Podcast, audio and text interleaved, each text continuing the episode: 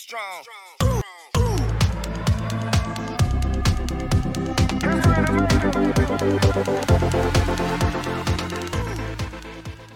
Gol Anten'den yeniden merhaba. Bir Perşembe programında daha sizlerle birlikteyim. E, Gene normal rutinimize dönüyoruz bundan sonra. E, önümüzdeki hafta sonu maçları ve Golmatik'te sizlerle birlikte olmaya çalışacağım. Bu aralar bu çift video işini biraz düşünmeye başladım itiraf etmem gerekirse. Pazartesi, Perşembe içine koyduğum şeyler benim e, bunu harcamam gereken zaman ve işte bunun geri dönüşleri diyeyim.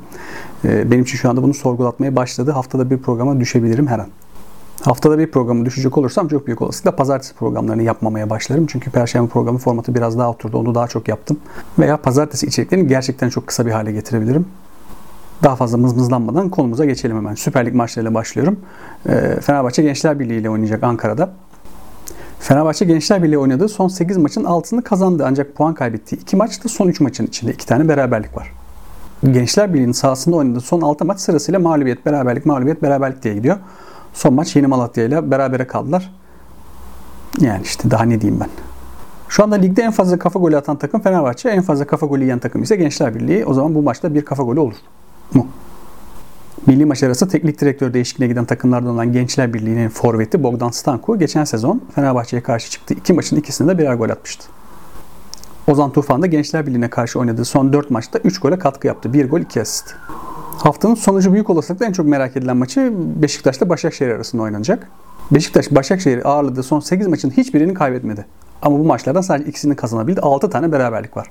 Başakşehir Beşiktaş'la oynadığı son 5 maçın 3'ünü kazandı. Ancak bu 3 maçın 3'ünü de 1-0'lık skorlarla kazanabildi. 2007-2008 sezonu başından beri bu eşleşme kadar beraberlik gören sadece 2 maç var. Yani Beşiktaş-Başakşehir maçları en çok berabere biten eşleşme. 12 kez berabere bitti bu eşleşme. Ee, diğer ikisi ise Fenerbahçe Galatasaray ve Fenerbahçe Trabzonspor eşleşmeleri. Başakşehir'in Beşiktaş'a attığı son 9 golün 6'sının asisti Edin Visca'dan geldi. Sergen Yalçın teknik direktör olarak son şampiyon ünvanıyla karşısına çıkan takımları henüz yenemedi. Böyle 7 karşılaşma oynadı Sergen Yalçın ancak bunlardan sadece birini kaybetti. Onun da gene 6 tane beraberliği var. Milli maç arasında teknik direktör değiştiren takımlardan biri de Trabzonspor. Abdullah Avcı'yı göreve getirdiler. Evinde son iki maçını kaybeden bir Trabzonspor devraldı Abdullah Avcı. Trabzonspor en son 3 kez üst üste 3 iç saha maçı kaybettiğinde e, Aralık 2011'de. Büyükşehir Belediye Erzurumspor bu sezon çıktığı 3 deplasman maçının ikisini şimdiden kazandı. Ligde daha önce bulundukları bir sezon var. O sezonun tamamında 17 deplasman maçının sadece ikisini kazanabilmişlerdi. Trabzonspor sahasında 11 maçtır gol yerken Büyükşehir Belediye Erzurumspor ise çıktığı son 15 deplasman maçının hepsinde gol attı. Trabzonspor'un amacı bu iki seride sona erdirmek olacak. Büyükşehir Belediye Erzurumsporlu Arvidas Novikovas çıktığı son 5 maçın 4'ünde birer gol attı. Bundan önce Trabzonspor kariyerine Trabzon'da iç saha maçıyla başlayan son 5 teknik direktörün hepsi galibiyetle başladılar. Bu 5 isim Hüseyin Çimşir, Şota Arveladze, e, Tolunay Kafkas, Ersun Yanal ve Ziya Doğan. Abdullah Avcı da bu isimlerin yanına adını yazdırmak isteyecektir. Lider kontenjanının Alanyaspor'un maçlarında notlara eklemeye devam ediyorum. Bu hafta e, bir Antalya derbisi oynanacak. Antalya Spor Alanyaspor'u ağırlayacak. Antalya Spor Alanyaspor'un abisi sayılır. Belki de bu yüzden Alanyaspor'un Antalya Spor'dan daha çok yenildiği sadece iki takım var. Galatasaray ve Beşiktaş'a 7'şer kez yenildiler. Antalya Spor ise 5 kez. Antalya Spor sahasında oynadığı son 12 maçın sadece ikisini kaybetti. Ancak bu iki maçın ikisini de oynadığı hafta öncesinde ligin lideri olan takımlara karşı kaybetti. Başakşehir ve Fenerbahçe'ye. Alanya Spor'un ligde son 14 maçta aldığı bir tane yenilgi var ancak o da Antalya Spor karşısındaydı. Alanya Spor maçlarında ilk yarılarda en çok gol atan takımlardan biri Galatasaray ve Karagümrük'le beraber 8'er golü var ilk yarılarda. Antalya Spor ise maçların ilk yarısında en çok gol yiyen takımlardan biri. Onlar da e, Denizli Spor'la beraber 7 golle ilk yarılarda en çok gol yiyen takım ünvanını paylaşıyor. Antalya Spor da milli maç arasında teknik direktör değiştiren takımlardan biri. Orada da Ersun Yanal göreve geldi. Antalya Spor'un yeni teknik direktörü Ersun Yanal'ın ligde yenemediği tek takım Alanya Spor. 6 kez karşılaştılar. 2 beraberliği 4 mağlubiyeti var Alanya'ya karşı. Galatasaray Kayseri Spor maçıyla Süper Lig defterini kapatıyoruz. Galatasaray Lig'de Kayseri Spor'la oynadığı son 6 maçın tamamını kazandı ve bu maçlarda en az 3'er gol attı. Toplam 20 gol. Kayseri Spor Galatasaray'la tam 30 kez oynadı. Ancak bu maçlardan sadece ikisini kazanabildi. Bu iki galibiyetin enteresan bir e, özelliği var. İki maçı da Türk Telekom stadında kazanmış olmaları. Fenerbahçe Gençler Birliği maçındaki kafa golü fektinin bir değişik versiyonu var. Bu karşılaşmada Galatasaray ve Kayseri Spor'un karşılaştığı bu karşılaşmada ligde henüz hiç kafa golü olmayan iki takım karşılaşacak. Geçen sezonki iki Kayseri Spor maçında Feguli iki gol bir asist yapmıştı. İstanbul'daki maçta golleri atmıştı. Kayseri de asist yapmıştı.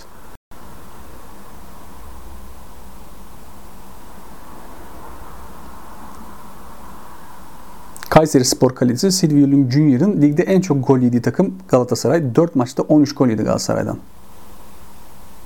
Koronalı günler yaşıyoruz malum. E, virüsün Avrupa'da en çok yayılmasının neden olan şeylerden bir tanesinin e, Şampiyonlar Ligi maçları olduğu düşünülüyor mesela. E, şu anda her ne kadar seyircisiz oynanıyor olsa da yani taraftarlar bir yerden bir yere gidiyor olmasalar da e, bu milli maç arasında çok fazla sayıda ülke, çok fazla sayıda oyuncu ülke ülke gezdiler ve bunlardan çok fazla sayıda aslında korona pozitif testi çıkan oyuncu oldu. O yüzden burada söylediğim oyunculardan bazıları hafta sonu oynayamazlarsa kusuruma bakmayın. Benim suçum değil. Hızlıca Premier Lig ile devam edelim. Hafta sonu çok güzel bir karşılaşma var. Çok güzel olmayı vaat eden bir karşılaşma var. Tottenham Hotspur Manchester City'yi ağırlayacak. Busby Boys ve Ferguson dönemleri öncesinde Manchester'ın esas takım olarak Manchester City esas takımdır denir. Ee, ancak e, tabii yakın zamana baktığımızda Manchester City'nin çok dominant bir e, performansı var Premier Lig'de.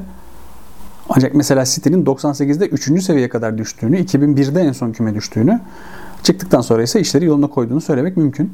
Özellikle el değiştirdikten sonraki performansı ve Guardiola dönemi tabii ki e, bambaşka bir seviyede Manchester City'nin. O yüzden böyle efektler okuduğumda zaman zaman şaşırıyorum. O da şu, e, City'nin tarihinde en çok yenildiği takım e, Chelsea, ondan sonra ise Tottenham. Chelsea'ye 26 kez yenilmişler. Tottenham'a karşı 24 mağlubiyetleri var. Tottenham sezonu mağlubiyetle başladı ancak sonrasında oynadığı 7 maçın hiçbirini kaybetmedi. Şu anda ligde devam eden en uzun e, yenilmezlik serisinin sahibi Tottenham. City'yi yenmeyi başarırlarsa galibiyet serilerinde 4 maça çıkartacaklar ve bunu en son Şubat 2019'da yapmışlardı. City'nin şimdilik beklentilerin altında kaldığını söylemekte bir sakınca yok. 7 maçta 10 gol atabildiler. En son 2010-11 sezonunda bu sayının altında kalmışlardı. Hatta geçen sezon 7 maç sonrasında şu an attıklarından 17 gol fazlası vardı City'nin. City bu sezon ligde oynadığı son 5 maçın her birinde sadece birer gol atabildi. Önceki 5 maçta ise 16 gol atmışlardı. Bundesliga'dan çılgın sayılar geldiği için Lewandowski ve özellikle Haaland'dan biraz bana mı öyle gelebiliyor? Gölgede kaldığını düşündüğüm bir Harry Kane performansı var. Harry Kane bu sezon çıktı 14 resmi maçta 23 gole katkı yaptı şimdiden. 13 gol ve 10 asisti var. Yani şimdiden double double yapmış durumda. İngiltere özelinde en yakın takipçisi ise takım arkadaşı Son. 10 gol 5 asist. Sokrates'in Londra merkezinin delisi Armağan Ükünç'ün de e, selam olsun ona buradan e, takık olduğu bir oyuncudayız şimdi. Gabriel Jesus. Benim de gerçekten hani şu anda e, Manchester City'de ne işi var diye düşündüğüm bir oyuncu kendisi. Ancak o da fena değil. Son 11 maçta 11 gole katkı yaptı. 8 gol ve 3 asisti var. Belki de beni ikna etmeye çalışıyordur bilmiyorum. Dönemi yavaş yavaş doluyor mu diye soracağımız ama aslında hani iyi 9 numaralardan bahsettiğimizde aklımıza hala ilk gelen isimlerden biri olan Sergio Aguero'nun e, ligde en çok gol attığı ikinci takım Tottenham. Newcastle'a 15 golü olan e, Agüero'nun Tottenham'a tam 11 golü var. Ancak Agüero da son 9 Tottenham maçında sadece bir kez gol atabildi. Ki ilk 7 Tottenham maçında tam 10 gol atmıştı. Premier Lig'in yakın dönem şampiyonlarından ikisini karşılaştıracak bir karşılaşma daha var. O da Liverpool ve Leicester City arasında. Kağıt üzerinde bir gol festivali sunması beklenen bu maç büyük olasılıkla 1-1 falan bitip herkes yine üzecek. Liverpool Leicester'a sahasında 7 maçtır yenilmedi. İç saha dış karışık bakınca Leicester zaten Liverpool'u son 16 lig maçında sadece 2 kez yenebildi. 3 beraberlikleri 11 mağlubiyetleri var. Liverpool'un sahasında yenilmediği tek takım Leicester City değil. Liverpool 63 maçtır iç sahada kaybetmiyor. Bu 63 maçlık yenilmezlik serisi Liverpool tarihinin en uzun iç saha yenilmezlik serisinin egalesi anlamına geliyor. Ancak daha ilginç olan şu, bir önceki 63 maçlık iç saha yenilmezlik serisi 1980 senesinde bir Leicester City maçıyla sona ermişti. Totemci Liverpool'lar bana kızacak bu yüzden. Liverpool Aston Villa maçında çok fazla gol yedi. Tamam bunu biliyoruz. O yüzden bizim İngilizler sürekli e, Liverpool'un geçen sezon bu kadar gol yemesi şu kadar maç sürmüştü. Konunun efektlerini size paylaşıp duruyorum. Bu hafta onlar da sıkılmış olacaklar ki başka bir şey bulmuşlar. O da şu Liverpool son 13 maçın sadece ikisinde kalesinin golü kapatabildi. Bu sezon şimdiden 16 gol yemiş durumdalar ve ligde onlardan daha çok gol yiyen sadece iki takım var. Onlar da bu sezon yeni çıkan takımlardan ikisi West Brom ve Leeds 17 şer gol yediler. Bein Sports'taki editör arkadaşım Doruk Keskin'in tabiriyle dünyanın en kötü savunma yapan takımı Fulham bile 15 gol yemiş durumda. Leicester'ın başında bir eski Liverpool hocası Brandon Rodgers var. Brandon Rodgers Liverpool'dan ayrıldıktan sonra Liverpool karşısına çıktı. İki maçı da kaybetti. Liverpool'u çalıştırdıktan sonra Liverpool karşısına çıkan teknik direktörler çıktıkları bu 29 maçın sadece 4 tanesini kazanabildiler. 6 beraberlikleri 19 mağlubiyetleri var. Bu 4 galibiyeti alabilen isimler e, Newcastle başındayken Suns, Aston Villa'nın başındayken Hulye ve e, West Brom'un başındayken iki kere Roy Hodgson. Geçen haftaki programda, daha doğrusu evvelki haftaki programda Atalanta karşısında ettirik yaptıktan sonra Firmino'yu e, oynatıp Yota'yı kesmez demiştim Klopp için. İkisini birden oynatmıştı. Yota'nın şu anda Liverpool formasıyla 3 maçta 3 golü var. Liverpool tarihinde çıktığı ilk 4 iç saha maçının hepsinde gol atan bir oyuncu yok. Gollerden ve golcülerden bahsedeceksek bu eşleşme üzerinde Jamie Vardy'den bahsetmeden bahsi kapatmak olmaz. Ligde şimdiden 7 maçta 8 gol atan Vardy'nin Liverpool'a karşı da 11 maçta 7 golü var. Lig kariyerinde Liverpool'a Vardy'den daha fazla gol atan sadece 2 tane hücum oyuncusu var. Bunlardan bir tanesi Andy Cole, 11 golü var. Diğeri ise Thierry Henry, e, Fransız'ın da 8 golü var Liverpool'a karşı. Ve Premier Lig'den La Liga'yı sekiyoruz. Atletico Madrid Barcelona maçını seçtim La Liga'dan. Ee, çekişmeli geçmesini bekleyeceğimiz bir maç. Her ne kadar e, Diego Simeone'nin futbolunu çok tutmasam ve Barcelona'da çok formda olmasa da e, gene de La Liga'da haftanın maçı tabii ki bu maç. Atletico Madrid Barcelona'yı tam 20 maçtır yenemiyor. 6 beraberlik 14 mağlubiyetleri var Barcelona'ya karşı. Atletico'nun ligde daha uzun yenememe serisi yaşadığı tek takımsa aynı şehrin takımı olan yani Madrid şehrin takımı olan Real Madrid. Real Madrid'de zamanında 23 maç yenememişti Atletico. Madrid demişken Atletico Madrid Madrid'de de Barcelona'ya 10 maçtır yenemedi. Ve bu yenemediği 10 maçın hiçbirinde birden fazla gol de atamadı. Birden fazla gol attıkları son maç zaten sahalarında Barcelona'yı yendikleri son maç. 2-1. Ancak başta dediğim gibi hani Atletico şu anda formda 23 maçtır kaybetmiyor Atletico Madrid. 14 galibiyet ve 9 beraberlikten oluşan bu 23 maçlık yenilmezlik serisi şu anda Avrupa'nın 5 büyük liginde devam eden en uzun seri ve Atletico Madrid'in de en uzun yenilmezlik serisi. Sezon başındaki Messi krizini biliyoruz Barcelona'da yaşanan. Bu kriz e, o zaman değilse de sonrasında Barcelona'nın başkanının görevden ayrılmak zorunda kalmasıyla sonlanmış gibi gözüktü. Ancak bu tabi Barcelona'da işleri yoluna koymaya yetmedi. Çünkü Messi mutsuzsa ve takım şayet La Masia'dan iyi oyuncular çıkartamıyorsa transfer piyasasında çok doğru işler yapabilen bir takım değil Barcelona bildiğimiz gibi. Doğru ve gerekli oyunculara para harcamak yerine yanlış ve daha kalibresi düşük oyunculara yanlış paralar harcamayı tercih eden Barcelona e, Messi Ocak ayında e, Manchester City'ye kaybedebilir. Bütün bunlarla boğuşan Barcelona ligde oynadığı son 5 maçın sadece birini kazanabildi. 2 beraberlik, 2 mağlubiyet aldılar kalan 4 maçta. Ancak tabii Messi Messi'dir. Atletico Madrid'in Simeone'sine ligde en çok gol atan oyuncu Messi. Simeone'nin Atletico Madrid'ine 17 maçta 12 gol atan Messi aynı zamanda Atletico Madrid'in başarılı kalecisi Oblak'a da en çok gol atan isim. Oblak'a karşı 11 maçta 8 golü var Messi'nin. Atletico Madrid'in Fransız golcüsü Antoine Griezmann ligde 33 takımla karşılaştı şimdiye kadar ve bunlardan 32'sine gol attı. Gol atamadığı tek takım 10 kez karşılaştı ama hiç gol atamadığı eski takım Atletico Madrid oynayıp da gol atamadığı iki Atletico Madrid maçını ise Barcelona formasıyla oynadı. İkinci Covid testi de pozitif çıktığı için maçta oynamayacak olan Luis Suarez ile ilgili bir tane efektim vardı. Madem yazdım paylaşayım. Şimdiye kadar karşılaştığı 29 takımın tamamına golü var Luis Suarez'in. Barcelona doğal olarak hiç karşılaşmadığı La Liga'da hiç karşılaşmadığı bir ekipti ve e, bu koleksiyona katmak için sahaya çıkacaktı ama ne yazık ki oynayamayacak. Serie A'dan bu hafta sonu seçtiğim maç Napoli-Milan. Napoli Milan 11 maçtır yenilmiyor. 6 galibiyet 5 beraberlikleri var. Milan'a en son 12 maç üst üste yenilmeyen son takım da gene Napoli'ydi. 1974-79 arasında Napoli Milan'a hiç yenilmemişti. Milan ayrıca son 14 Napoli eşleşmesinde deplasmanda Napoli sadece bir kez yenebildi. Napoli'de oynanan maçlarda 6 beraberliği 7 mağlubiyeti var Milan'ın. Napoli deplasmanda kazandıkları son maçta gollerini Zlatan İbrahimovic ve Robinho atmıştı. 14 sayısı bir kez daha karşımıza çıkacak. Milan da 14 maçtır deplasmanda yenilmiyor. Bir önceki daha uzun deplasman yenilmezlik serileri ise 15 maçtı ve Hayır bu sefer Capello yoktu. Carlo Ancelotti vardı başlarında. Milan şu anda ligin 16 golle ceza sahası içinden en çok gol atan takımı. Napoli ise 4 golle ceza sahası içinden en az gol yiyen takım. Burada küçük bir anahtar kilit durumu var. Nasıl çözülür bilmiyorum. Bu iki takım ayrıca şu anda Serie A'da maç başına en çok isabetli şut çeken takım. 5 büyük ligde geçirdiği zamanda ilk kafa golünü geçen hafta attı Osimhen. Ee, ve geçen sezonun tamamında sadece bir kez iki maç üst üste gol katkısı yapabilmişti. Bu sezon ligde kendi çıktığı ilk 5 maçın tamamında gol attı Zlatan İbrahimovic. Bu maçta da atmayı başarırsa bir sezonda çıktığı ilk 6 maçın tamamında gol atan 3 ismin yanına yazdıracak ismine. E, bunlar Batistuta, Vieri ve Piontek. E, Piatek diye yazılıyor ama Piontek diye okunuyor. Alışın artık. Bu hafta da Bundesliga'yı pas geçiyorum. Baktım çok ilginç bir maç çarpmadı gözüme. O yüzden e, Bundesliga'dan maç seçmemeyi tercih ettim. O yüzden Lig 1 ile devam ediyorum. Lig 1'den ise seçtiğim iki tane maç var. Ee, bunlardan ilki Monaco Paris Saint Germain maçı. Paris Saint Germain'in Lig 1'deki dominansından Monaco'da nasibini almış durumda. Aslında e, Paris Saint Germain'in Juventus'la yarışabilecek şampiyonluk serisinin tam ortasında ayrık otu gibi duran bir Monaco şampiyonluğu var biliyorsunuz. Ve bu şampiyonluk Mbappe'nin Monaco forması giydiği o yaklaşık bir buçuk sezona denk geliyor. E, o da olmasaydı işte Juventus nasıl 9'sa e, Paris Saint Germain'de sanırım yanlış hatırlamıyorsam 8 şampiyonluk elde etmiş olacaktı şimdiye kadar. Üst üste. Nitekim Paris Saint Germain'in oynadığı son 16 lig maçının sadece ikisini kazanabildi Monaco.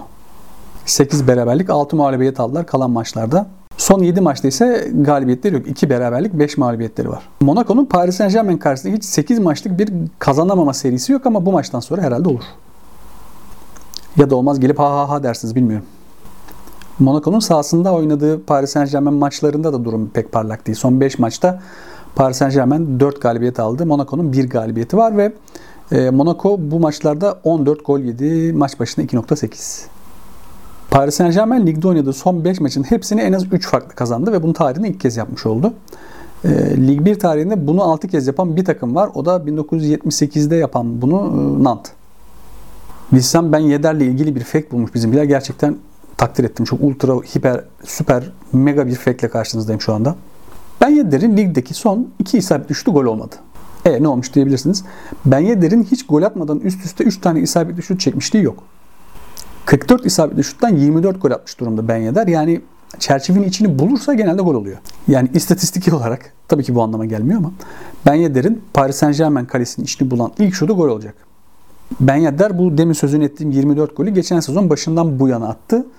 Aynı periyotta ondan daha fazla gol atan iki Fransız oyuncu 25'er gol atan Mbappe ve Benzema.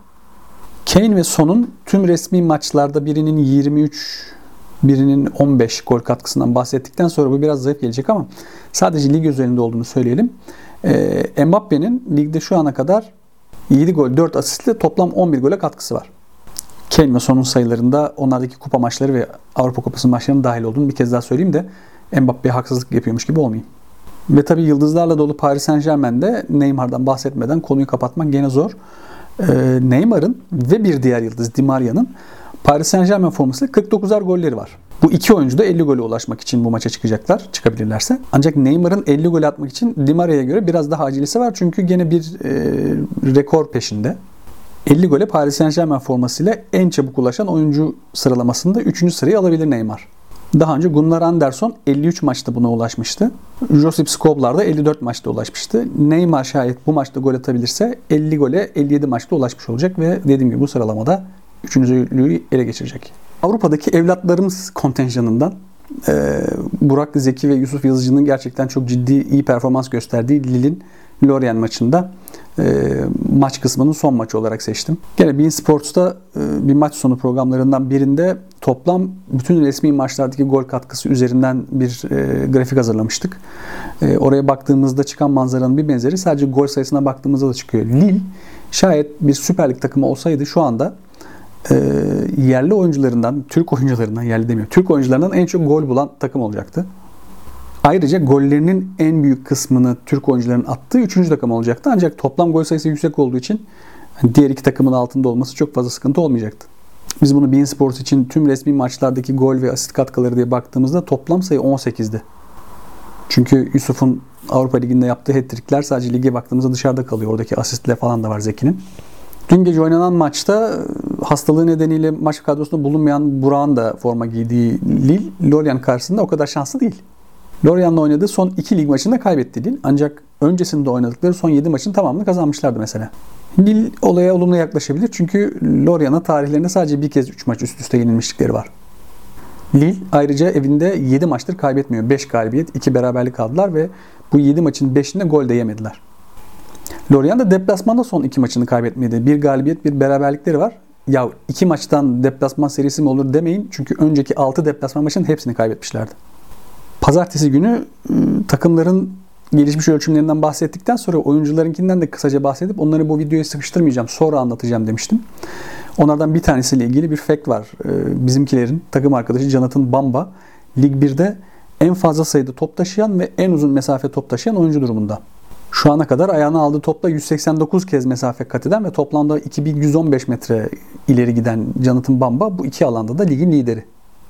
Bamba'nın ligde 4 gol 4 asistle toplam 8 gole katkısı var ki bunu geçebilen tek oyuncu gene az önce sözünü ettiğim Mbappe'nin 11 gollük katkısı. Ligde en çok ikili mücadele kazanan 4 ismin ikisi Lorient forması giyiyor. Bunlar Vissa 76 ve Abergel 79. Ve bu haftayı da Golmetik'te kapatalım. Ben o maçlık bir liste gönderdim gene. Gene kendi keyfim için 5 tane aman izlemeyin maç da belirledim. Ee, bunlardan bakalım hangileri maç golün videosuna girecek ama e, tam listeyi ben size veriyorum şimdi. Roma Parma yaklaşık 96 gol matik puanı var. Ee, arkasından Bayern Münih Werder Bremen maçı geliyor. O da 95 gol matik puanında. Inter Torino 92, Fiorentina Benevento maçının yaklaşık 90. Monaco Paris Saint Germain maçının ise 87 puanlık bir golmatik puanı var. İkinci 5 maçta sırasıyla Hoffenheim Stuttgart, Villarreal Real Madrid, Verona Sassuolo, Liverpool Leicester City, Napoli Milan maçları. Ancak mesela Monaco Paris Saint Germain maçının çok gollü geçmesini beklemeyebiliriz. Çünkü golmetik puanı yüksek olmasına rağmen bu iki takımın oynadığı maçlarda e, maçların skoru XG'lerini 3 kez aşmış, 7 kez ise altında kalmış. Gene Hoffenheim Stuttgart maçı için de benzer durum geçerli. İki kez bu takımlar XG'lerini aşarken 4 kez altında kalmışlar. Bu hafta sonunun izlemezseniz çok şey kaçırmazsınız gibi gözüken maçları ise şöyle 53 golmetik puanına sahip olan Wolverhampton Wanderers Southampton maçı, 52 e, küsur puana sahip Burnley Crystal Palace maçı, 51.5 biraz üzerindeki Alaves Valencia maçı, tam 51.5 puandaki Granada Valladolid maçı ve 50 puanında altında bir golmetik puanla sahip olan Sevilla Celta Vigo maçları bu hafta sonunun zaplarken denk gelirseniz e, ne bileyim Netflix açın, varsa Amazon Prime'e geçin, başka bir maç bulun. Siz bilirsiniz. Bir başkadır seyredin. Polemiklerden geri kalmazsınız. Ben herhangi bir televizyon dizi seyrederken hayatın anlamını bana vereceğini veya işte çözemediğim bir sürü şey benim adıma çözeceğini beklemediğim için bir başkadır izledim ve beğendim. Ee, sonra Twitter'da okuduğum şeylere bakınca niye beğenmemem gerektiğiyle ilgili bir sürü şey okudum evet. Ee, ama fikrim değişmedi. Ee, bence Türk televizyon tarihi adına gerçekten yapılmış çok başarılı işlerden biri. Ee, verdiği iddia edilen mesajları neresinden tutacağınız tamamen sizin hayat görüşünüzle alakalı. Ee, o yüzden şu anda biraz konunun dışına çıkıyorum ama eğer Netflix aboneliğiniz varsa bence mutlaka zaman ayırıp izleyin. Çünkü gerçekten değişik ve güzel bir yapım. Babası drama yönetmeni olan biri olarak biraz televizyon ve sinema ile ilgili kafa patlattığımız doğrudur ama burası onun yeri ve zamanı değil. Belki başka zaman başka platformlarda bunlarla ilgili konuşuruz. Önümüzdeki haftaki gol anahtarında buluşana kadar kendinize dikkat edin. Sağlıklı günler. Strong.